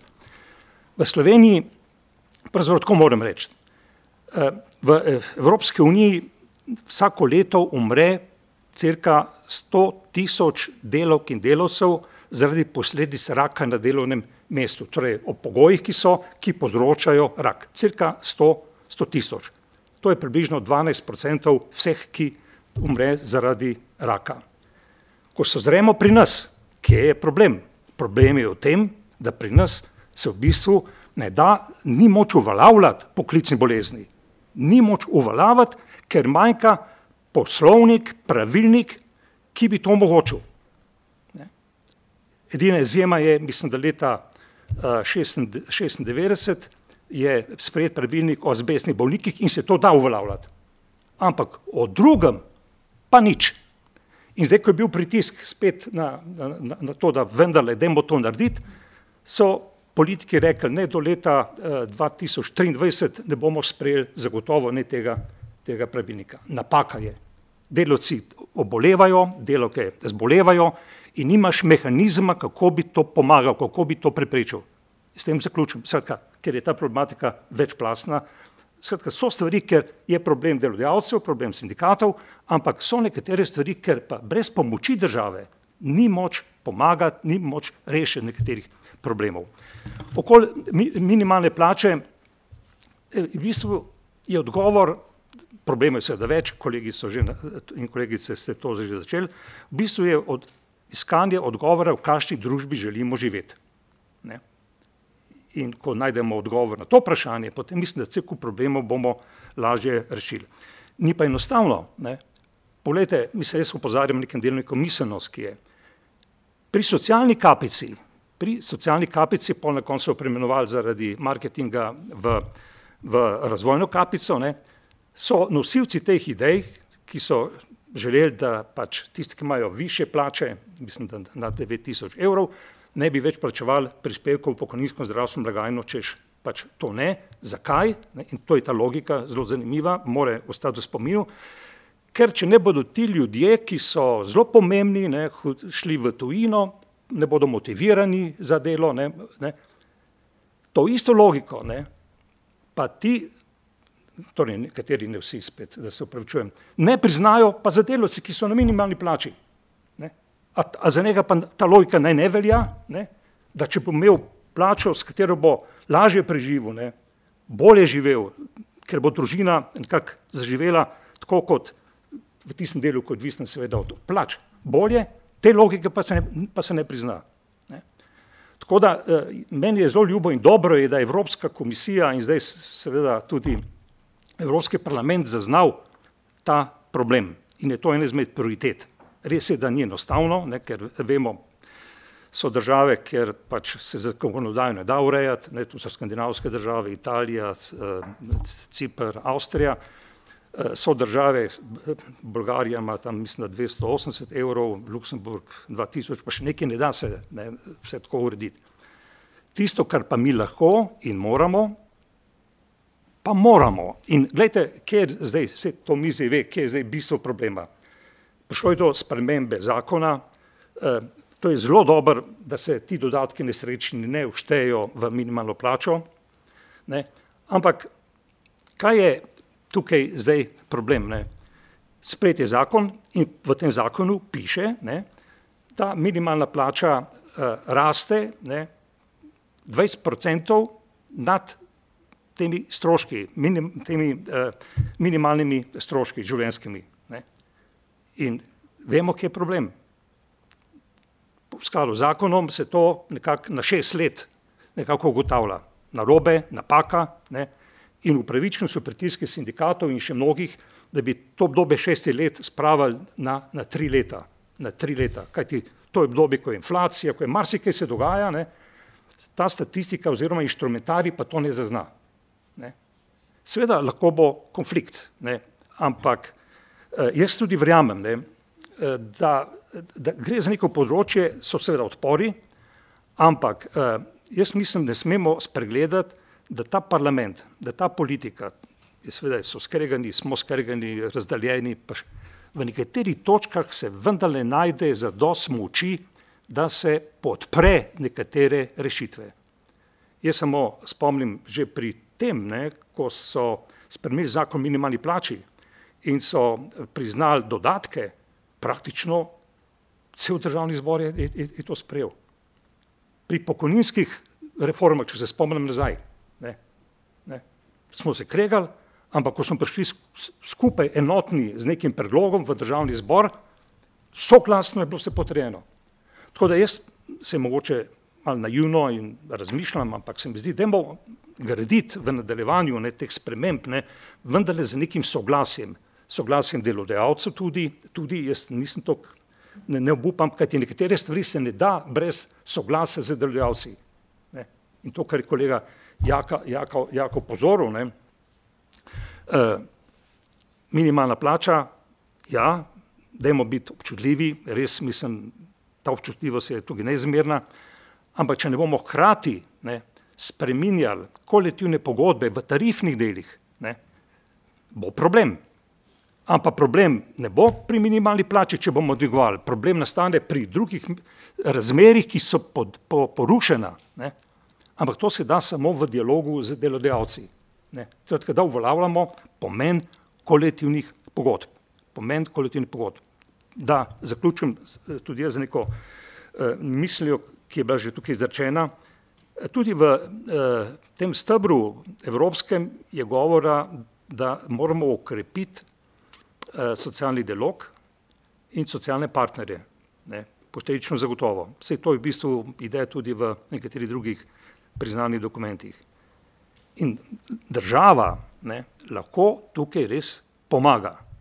In pomaga na tanko tako, kot si tudi ti omenil, ne, ko so javni razpisi, to lahko razpolaga, ne, da, da med kriterije, ne, komu oddati, ni samo kriterij cena, ne, ampak je tudi kriterij, ali tisti, ki želi dobiti naša sredstva, govorim naša, ker gre nadalje pol za, za javna sredstva, izpolnjuje tiste minimalne standarde, kriterije, ne, ki so, da ne ignorira sindikata, da je kolektivna pogodba ne, in še marsikaj, ker to prakso zdaj že poznamo ponekod v Evropi in s tem bi objektivno izvajali pritisk, da bi vendarle sindikati, delodajalske organizacije, jaz to vedno jemljem tako skupaj, kadar se pogovarjamo, se ukrepili. Kajti problem socialnega dialoga je, jaz ne zaključujem, pogosto v Sloveniji, ko je nekdo od partnerjev šibek, potem se zakoplješ, ne popustiš, ne popuščaš, ne? ker bom že pokazal, ne? ker v bistvu kompromis je privilegij močnejših, močnih. Ne? In to tega včasih pri nas premakuje. Hvala lepa. Dušan, hvala. Zdaj načrtno sem za na konec um, postila besedo oziroma komentar um, našemu poslancu Soni Boju. Bom iskreno povedala, ko smo um, se odločali prejšnji teden, ali gremo v to debato zdaj, ali je čas primeren, um, ko smo nekje, vemo, imamo močno načet zdravstven sistem, bolnice nam pokajo po šivih, osebje je utrujeno, na eni strani specializanti mladi grozijo z odhodom v tujino in še in še izzivov je, hud javni dolg in tako naprej smo imeli zelo, zelo vročo in žolčno debato znotraj um, naše brainstorming skupine, ali s to temo naprej ali ne. Je tako, se strinjam, kot ste vi rekli, da čas nikoli ni primeren. Jaz sem se zelo veselila te debate danes, da slišim vaše mnenja. Um, vračam zdaj glas politiki Soni Boju, kako bi komentiral mogoče izkušnja je iz sindikalistva, iz sindikatov, iz gospodarstva tvoja precej močna in zdaj seveda iz politike. Vem, da je bila zadrega tudi med našo poslansko skupino, ali se danes pogovarjati o tem ali ne, če sva iskrena. Pa me zanima, kak je tvoj pogled um, na to zamisel, da bi vseeno začeli se resno pogovarjati o skrajšanju delovnega časa. Ja, hvala lepa in lep pozdrav vsem skupaj tudi v mojem imenu. Uh, ja, imeli smo najmanj, ker si rekla predsednica, neko dokaj burno razpravo tudi, ali je to primerni čas za to temo, ne, morate vedeti, da imamo tudi znotraj poslanske skupine en del ljudi, ki prihajajo iz gospodarstva, ki uh, seveda poznajo vse težave gospodarstva, do rekel drugega dela, ki uh, je včasih tudi v svojih idejah malo bolj radikalen, skratka. Moje stališče od vsega začetka je bilo, da se o tem moramo začeti pogovarjati. Ne, ne na zadnje, mi smo v ta zbornik nekih idej, uh, ki je namenjen tej javni razpravi pred končnim programom, ki jo bomo socialni demokrati dali napisali, da uh, zaradi vseh težav, ki smo jih danes omenili, oziroma izzivov od uh, revolucionarnega razvoja tehnologije, znanosti, robotizacije, vsega tega, kar nam je uh, prineslo, da moramo uh, ta dialog danes uh, odpreti. Uh, ne samo ta dialog, tudi v celem paketu tega poglavja, ki smo ga mi namenili tej temi, so razmisleki, ki jih uh, vprašanje, na katere bomo mogli uh, tudi ne na zadnje politika odgovoriti v naslednjih, naslednjem desetletju. Mi prihajamo nekako z idejo, da je treba doseči nek socialni dogovor za naslednje desetletje. Ne. Teme, ki smo jih danes odpirali, delovni čas, skrajšen delovni čas, relativno tako, je uh, gospod Fegoš je rekel, so panoge, kjer jih lahko naredimo jutri, če, če banaliziram, brez večjih težav. Tam imamo velik del državne uprave, občinskih uprav, skratka vsega tega. Uh, je pa na drugi strani tudi dejstvo, da imamo pa podjetja, kjer pa uh, delajo. Štir sem sam delal skoraj 37 let svoje poklicne karijere v podjetju, ker so tehnološki procesi, se pravi peči, ki jih ne moreš v petek ugasniti, pa v ponedeljek ponovno žgaš, se pravi, da je 365 dni, 24 ur na dan, ciklus nekje 9 do 10 let, kot je življenjska doba pečine in takih eh, proizvodn eh, imamo v Sloveniji kar nekaj, ne? tako da spet specifika, štirizmensko delo, ne? že pri, pri, pri, s tem težave, ker tudi štirizmenskega dela danes nobena zakonodaja ne opredeljuje. Ne? Opredeljeni so počitki, znotraj tega gremo. Skratka, uh, gremo v tej smeri, če češ na trgu preživeti, robotizacija, nujna, težka delovna mesta se ukinjajo, vse več je dela z računalnikom. Jaz sem zadnjih 16 let uh, delal na področju kadrov v podjetju in bil sem tudi uh, 8 let uh, delo že skupine, ki smo sanirali na podjetje, podjetje uh, žaloščenih ljudi, ker je bila polovica uh, zaposlenih na minimalcu, ogromna fluktuacija, večletne izgube, skratka, da strnem, da ne bom predolg, sem ta zanimiv del kadrovskega področja vodil, ker smo v spredje te sanacije postavili ljudi. Ne. Od, ne vem, da smo ljudem dodali ponovno ime pa primek. Ne. Da smo od šefov zahtevali, da se zjutraj, ko pridemo v službe, da se pozdravljamo kar nekaj zamenjav smo mogli narediti, da ne pijemo drug na drugega, da se poslušamo, da se slišimo. Podjetje, ki je ob začetku te sanacije namenjalo 17 tisoč evrov za izobraževanje, ko sem jaz vstopil v politiko, tisto leto namenjeno za izobraževanje vse vrste oblik 563 tisoč evrov. V teh osmih letih smo ga spravili na eno izmed najbolj uspešnih podjetij v svetu. Skratka, delali smo na ljudih. Vse tisto, kar smo lahko naredili, pa dali odgovore, Eh, smo poskušali, ne vem, držini prijazno podjetje, preventiva, skrb za zaposlene, po šest smo jih pošiljali na eh, razne razne oblike eh, zdravljenja. Edino, kjer pa nismo najeli nekega uspešnega odgovora, je pa to v oddelku, ko sem rekel, ki je štirizmensko delo, ker imamo večinoma ženske. Ne. To smo zdaj tisto, kar je tudi, mislim, da gospod Fegoš omenil, ta uh, enakopravnost spolov. Uh, če ti dobiš koledar, ker si v, v bistvu v enem mesecu, ima samo en vikend prost, ne, uh, vikend, petek, sobota, nedelja, reakcije pa med tednom prost, eh, jaz vem, koliko je to ljudem, ljudem pomenilo.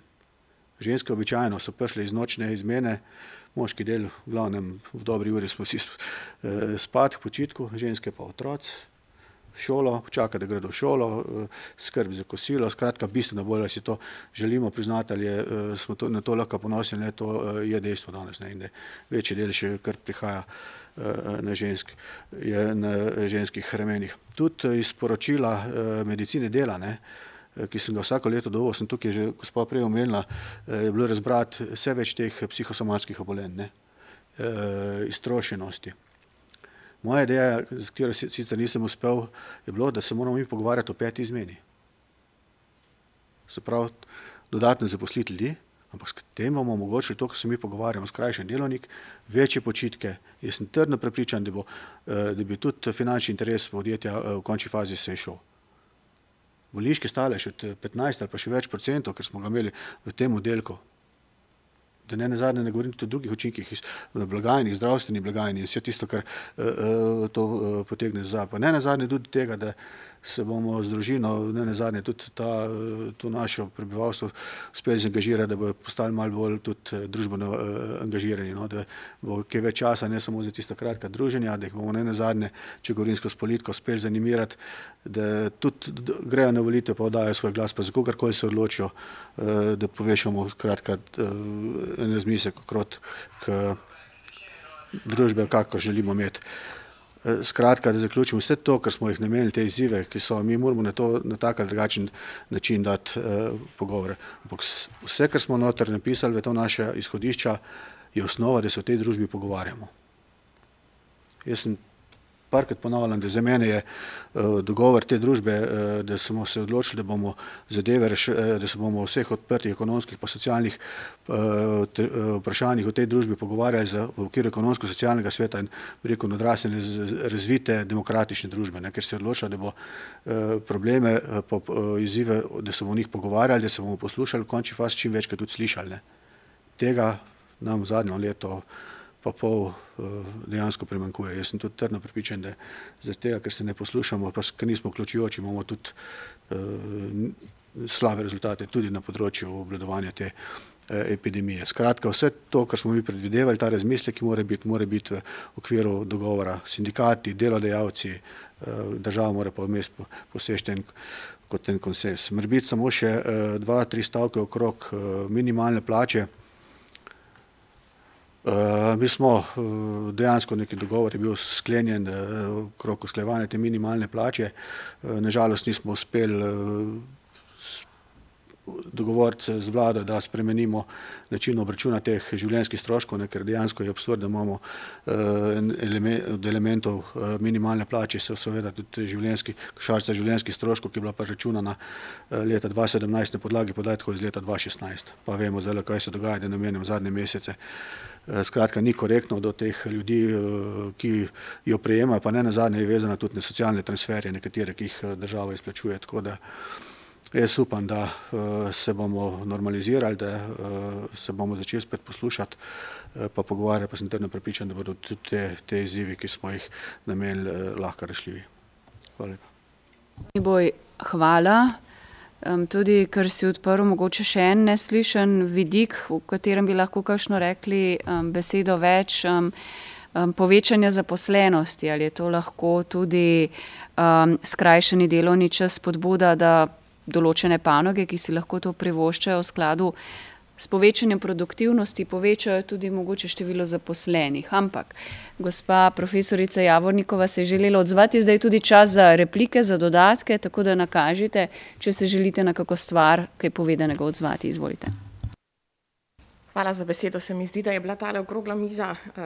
Ki je bila do zdaj res okrogla, uh, izjemno uh, produktivna, zaradi tega, ker kaže, kako sumarna je ta razprava o skrajšanju delovnega časa. Namreč odpre celo vrsto problemov uh, in skupaj z, pa ne samo problemov, tudi izzivov, ne, ki jih imamo, tako res tudi priložnosti, ampak se mi zdi, da je tudi pandemija zlasti v Sloveniji odprla ogromno luknjo nerešenih problemov.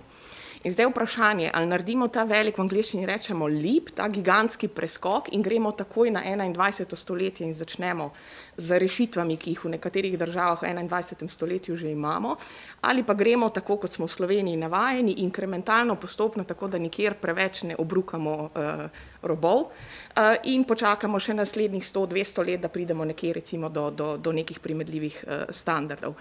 In eden takih je zagotovo kvaliteta delovnih razmerij in tudi nujnost modernizacije delovnih razmerij. Kolega se boste verjetno strinjala, uh, mi imamo tako rigidni zakon o delovnih razmerih, da lahko delaš 4 ure ali pa delaš 8 ur trenutno. Um, To se bomo pa se lahko o tem, o teh nijansah pogovarjamo. Ampak mi tega načina sodobnih oblik dela, kot so delo nadaljavo, delo v, v kompresirano delo in tako naprej, mi imamo zelo krasno fleksibilnost delovnih pogod, nimamo pa fleksibilnih načinov dela. In um, pri, pri tem se mi zdi, da gre tukaj tudi za, za, za vašo stranko, ne, pri tem projektu pač en za strahotno zalogaj, uh, za eno res multidisciplinarno profesionalno ekipo. Ne. Uh, ker namreč jaz mislim, da rešitev ni, ali pa, ali pa vprašanje te na mizi ni skrajšanje delovnega časa, to bo, se mi zdi, produkt modernizacije delovnih razmeri, reorganizacije dela.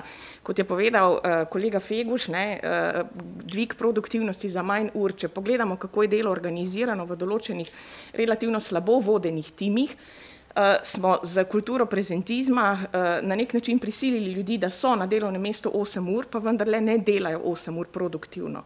In tudi raziskave po, po svetu kažejo, da je 8 ur zelo produktivno, res težko delati 5 dni na teden, pa pri nekaterih še več. Zdravstvo, recimo, če že minimum 48 ur doseže.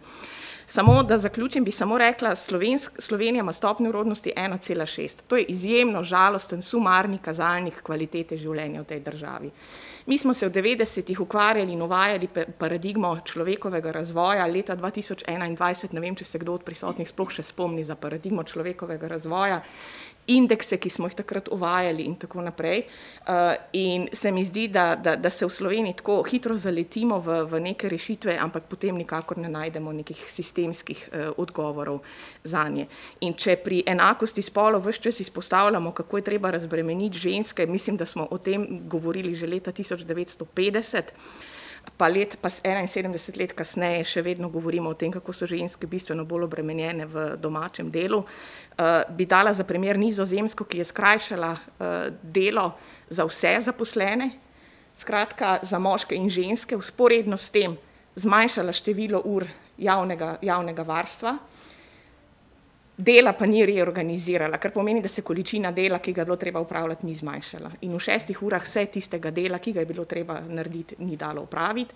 In seveda so moški potem uh, praviloma dobivali dodatke za nadure, medtem ko javnega varstva ni bilo in so to breme uh, tudi na nizozemski prevzeli ženske. Tako da vsi ti projekti, ki jih gledamo, jaz mislim, da recimo tale španski stane približno 50 milijonov evrov, pa vendarle mislim, da je 50 milijonov relativno poceni investicija za eksperiment v nekaj, kar morda v slovenski kulturi niti ne bi funkcioniralo.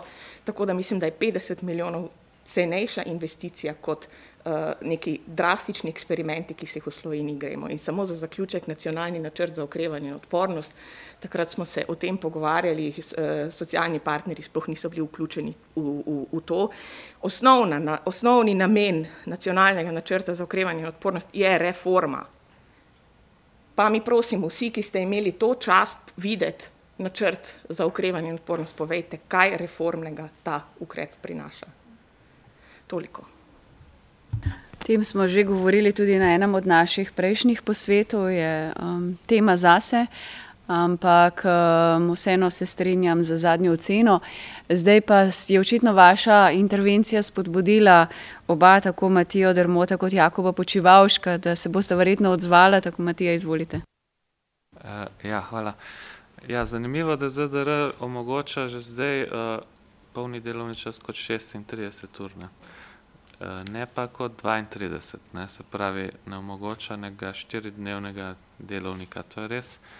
Uh, tukaj bi res mogoče bila potrebna sprememba. Uh, kar sem pa jaz hotel opozoriti, je, da je ta duševno vidik, je zelo pomemben, varnost in zdravje pri delu. Ne. tudi upoštevajo, upoštevajo um, nove oblike dela, ki se pojavljajo, delo na domu, obvladovanje uh, teh psihosocialnih tveganj, stresa, količine dela, s katerim mi se ukvarjamo veliko recimo z vem, nadlegovanjem na delovnem mestu, tukaj imamo neke podlage, ampak recimo stres pa uh, ta workload, ne, tega pa v bistvu to nam manjka. Um, tako da tukaj moram povedati, no, Zveza svobodnih sindikatov že leta in leta opozarja na ta postopek prijave poklicnih bolezni. Uh, tako da smo bili letos, kakšen mesec nazaj, prisiljeni vložiti pritožbo na mednarodno organizacijo dela za spoštovanje te konvencije uh, 155, ne, ki določa, s katero se je država zavezala, jo je ratificirala leta 92, da bo ta postopek vzpostavila, ga pa še zdaj ni. Ne. Um, tako da to je pomembno tudi v luči teh novih oblik dela, ki se pojavljajo in ki se še bojo pojavljale in novih tveganj, ki se bojo pojavljale. Ne. Uh, mogoče bi opozoril še, kar se tiče prekarnosti, bi po mojem mnenju bilo potrebno več narediti tudi na uh, področju nadzora elementov delovnega razmerja. Mogoče tudi preden se razmišlja o nekih novih oblikah pogodb, nekje notni, neke nove oblike delovnih razmerij. Uh, nadzor je po mojem mnenju prešibek, ne? mogoče te, pretežko, predolga pot do uveljavitve teh uh, statusa delovnega razmerja, ne upoštevanja teh elementov delovnega razmerja, ki jih zakon določa. Ne? Tako da uh, jaz bi pozval tudi na okrepitev nadzora oziroma mogoče drugačno delovanje teh nadzornih institucij. Hvala. Hvala lepa. Um, Jakob, izvolite. Hvala, nekaj hitrih odzivov. Najprej mogoče glede tega na koncu, recimo dva relativno preprosta ukrepa, po mojem mnenju, sta recimo domneva obstoja delovnega razmerja pa obrnjeno dokazno breme. Relativno enostavna rešitev, uh, se zmanjša tudi potreba po nadzoru. Kar se tiče načrta za ukrevanje in odpornost, bi ga omenil samo toliko, da naš predlog ravno pri tistih sestankih, ki so bili na to temo, je bilo ravno to, da bi se lahko sredstva iz načrta za ukrevanje in odpornost porabila tudi za pilotni projekt za skrajševanje delovnega časa. Tega noter ni, recimo. Ne. Uh, zdaj, kar se tiče delovnih razmerij, je pa stvar taka, zakon o delovnih razmerjih. Zdaj, jaz se sicer ne strinjam, da je tako strašno rigiden naš zakon o delovnih razmerjih, mislim pa, da bi se po vzoru številnih drugih držav morali resno lotiti razprave pač o prihodnosti dela in v tem kontekstu tudi ZDR. Ne? Nemci so imeli zeleno knjigo, belo knjigo, Portugalci so zdaj sprejeli uh, ne, tudi svoj dokument. V glavnem, resne države se tega lotevajo tako, da pripravijo pač neko, nek nabor rešitev ga dajo v širšo javno razpravo in na koncu iz tega potegnejo najboljš. Ne. Jaz mislim, da tega pri nas absolutno ne samo, da manjka, tega pri nas ni. Ne. Recimo na področju pokojninskega zavarovanja smo imeli belo knjigo, namesto tega, da bi sledili, smo imeli v zadnjem letu deset novel, popolnoma parcialnih, ki so vse, sku, vse skupaj porušile. Ne. Absolutno se strinjam, da bi potrebovali, uh, kar se tiče minimalne plače, splošno kolektivno pogodbo za gospodarstvo, to na sindikalni strani že dolg časa uh, ideja, da bi jo ponovno uživili. Kar se tiče predloga o več zaposlenih, je pa tako. Jaz, jaz vidim rešitev, kar se tiče skrajšanega delovnega časa, pač seveda prilagojena tistim okoljem, kjer, ki, ki, uh, ki so si med sabo različna. Ne. Tam, kjer je neprekinjena proizvodnja, verjetno druge rešitve sploh ni, kot je, kot je več zaposlenih. Um, tam, kjer ni nujno neprekinjena proizvodnja, pač zmanjšanje števila izjem. Tam, kjer v prehodnem obdobju morda ne bi bilo možno na eno drugo, v tem trenutku smo v taki situaciji, ker recimo ni zaposlenih, je verjetno to lahko samo kompenzacija tega pred višjim plačilom. Ne? In mislim, da tukaj je problem, ki, ki je začaran krok v tem trenutku. Številni delodajalci ravno zaradi tega, ker je, tudi, je plačilo za to delo prenisko, pač enostavno delavcev ne dobijo. Je pa tukaj, po mojem mnenju, posebno pozornost treba nameniti enakopravnosti, pa ne samo v smislu med spoloma, ampak tudi med različnimi deli podjetja. Ne? Eh, jaz si predstavljam, kakšen konflikt bi povzročil, če bi naprimer za upravo ali pa za nek razvojni oddelek uvedel skrajšan delovni čas, za proizvodno pa, za proizvodno pa ne. ne. Uh, mislim, da tukaj treba biti zelo občutljiv na te zadeve. Zdaj tukaj seveda govorimo o nekih večjih uh, podjetjih, a ne verjetno v nekih manjših podjetjih je to la, lažje narediti. Ne. Tako da na ta element se mi zdi tudi pomembno upozoriti. No. Hvala. Hvala. Naslednji je prosil za besedo gospod Matej Feguš. Jaz bi samo eno malo pod vprašanje, ker me vseeno zanima za vas. Prej je Soni Boj omenil, da je priložnost tu pri rešitvah za iskanje v krizah, v panogah, recimo pri skrajšanju delovnika, tudi povečanje zaposlovanja. Pa me zanima, ste pri vas pri tej izkušnji lahko povečali tudi um, število zaposlenih z, z enakimi pogoji? Um, ena, eno vprašanje pa hkrati, ker smo v sklepnem krogu misli, če želite kakorkoli zaključiti, se nam pogovor počasi izteka. Izvolite. Um, vse jaz sem v bistvu hotel bolj kot za zaključek, pa bom probo vse skupaj strniti. Um, zato, ker sem pač iz industrije, uh, kjer se veliko ukvarjamo z inovacijami, uh, se mi zdi, da je tu treba na ta primer stopiti malo drugače. Jaz zdaj na koncu sem že zelo veliko čutil tega, kar me um, nasplošno v politiki moti, da je veliko borbe. Uh, jaz mislim, da je treba bistveno več dogovarjanja in konsenza, ker na koncu se je treba zavedati, da 90% mislim, da vseh ljudi na tem planetu ali pa celo 99 po zadnjih raziskavah si samo želi kvalitetnega in zdravega življenja. In ta dokument obstaja. Jaz sem bil v tisti skupini, ne vem koliko let že nazaj, ko se je delala strategija 2050, um, ki je potem jasno po, tistem, uh, po tisti inerciji medresorskega usklajevanja, pač to sem se naučil v politiki. Če hočeš kaj uničati, potem daš v medresorsko usklajevanje. Se upravičujem, ampak pri nas, ki smo iz, pač iz gospodarstva, kako bom jaz našim ljudem, ne vem, v finance dal inovacijo iz ARD-ja. Moja naloga, da jaz rečem njim, toliko denarja potrebujemo za to inovacijo in tam lahko oni prispevajo. Ne? In jaz imam sliko našega zaključnega dela, kjer je bilo 30 ljudi iz res različnih pogledov, političnih prepričanj, kjer smo se vsi zelo dobro razumeli, kjer je bil zaključek well-being in socialne inovacije, kjer je Slovenija sama po sebi lahko eksperiment, kako do tega pridati.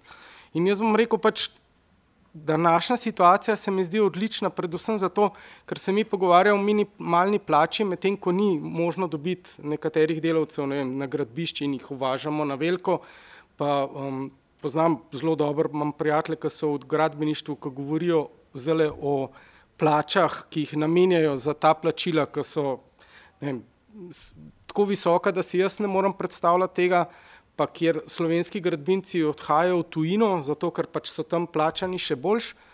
Um, jaz sem si zapomnil, ko sem začel, sem bil še um, na začetku, ko je nekdo rekel, ne moreš ti mene tako slabo plačati, kot jaz lahko slabo upravim svoje delo. In tukaj pač gre za postavljanje meja. In jaz mislim, da tukaj mogoče bi psihologinja to najbolj povedala, ker tiskaj hodil kdaj na psihoterapijo, se najprej to nauči.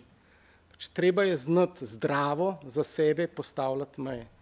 In tukaj mislim, da je pri delu tisto ključno, kjer bi mi lahko gradili na nekih socialnih inovacijah. Um, kar se tiče pa našega podjetja, se je pa pač dogajalo tudi to, da Um, jaz sem v podjetju 20 let, 17 let nismo imeli um, uh, zmanjševanja, smo skozi rastli.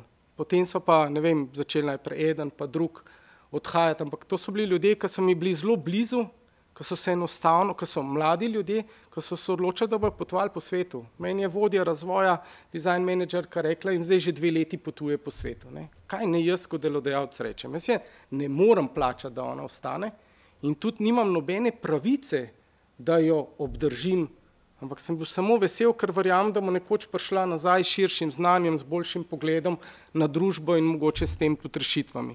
In tukaj smo potem tudi, ko smo zaposlovali, je bil eden od načinov, da smo dobili kader za tisto plačilo, ki si ga lahko prvošmo. Nismo podjetje, mi imamo v lesni industriji dodane vrednosti na zaposlenega leta 2020 36 tisoč. Smo bistveno nad povprečjem let, let, lesne industrije, ampak bistveno pod povprečjem katere koli druge. Uh, in mi ne moremo plačati vsakega zaposlenega, ne vem, tok nad, ampak za šesturnim delavnikom smo pa dobili tiste zaposlene, ki jih je pa to zanimalo. In to so predvsem ti mlajši, ki se mogoče odločajo, da šele vstopajo na poklicno pot in jim je to nek začetek. Um, Bi pa še to povedal, da se je treba zavedati, da mi se danes v letu 2021, pač, če govorimo za deset let naprej, ne zavedamo, da marsikatera stvar se da že robotiz robotizirati. Ne. Jaz nimam toliko strahu pred socialnimi prispevki, ker se da to spet rešiti na drugačen način. Um, jaz to zmer tako gledam, da tudi davke bi lahko tako kot članarino v gospodarski zbornici, ne, koliko si velik, koliko imaš prihodkov, koliko imaš dobička in bi se dal to zelo enostavno urediti. Ne. Um, ampak to je neka druga debata. In z robotizacijo, predvsem se bo pa pojavilo ravno to, da bomo rabili pa visoko usposobljen tehnološki kader, ki bo pa sploh zahteval visoko plačilo, veliko prostega časa, da se ga ne moti 24 ur na dan. In takrat bojo pa te izzivi uh, prišli, jaz zelo rad govorim o izzivih, ne o problemih, um, na vrsto, ki se jih pa ne bo dal več rešiti.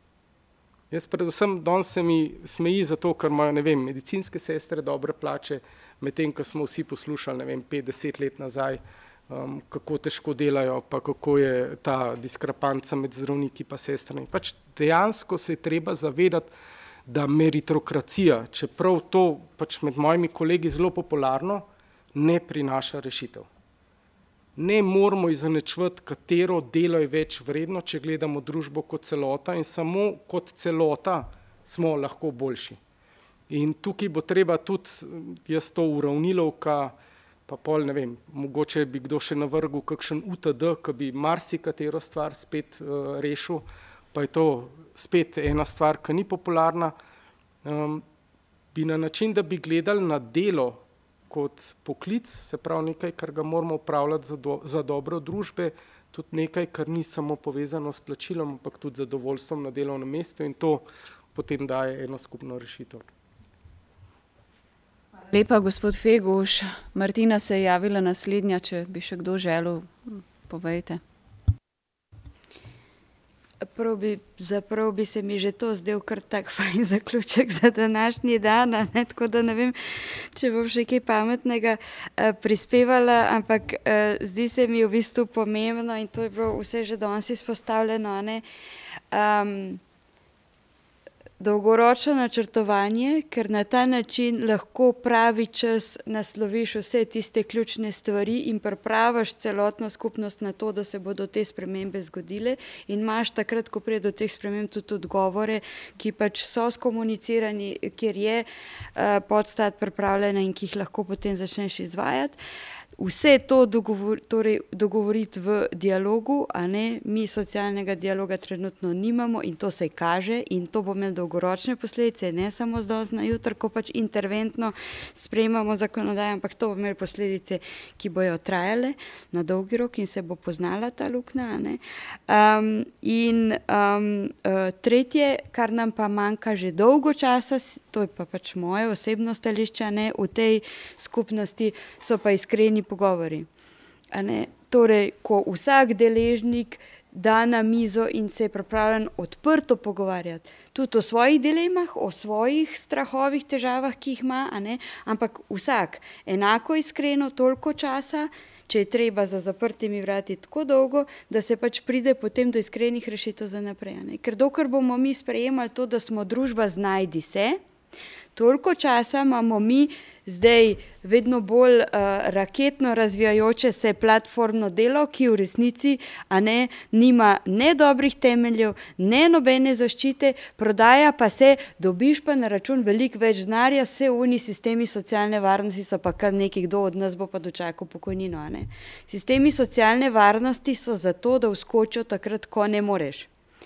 Ali ker si že oddelal svoje, in je zdaj čas, da pač se malo odklopiš, ali ker se ti je vmes nekaj zgodilo in ne moreš, ali ker si zvolil, ali ker imaš ne, te skrbstvene obveznosti, zaradi katerih moraš ta čas nameniti pač otroku, ki se je lihka rodil, ali čemu drugemu nekomu, ki ga ne, neguješ od svojih.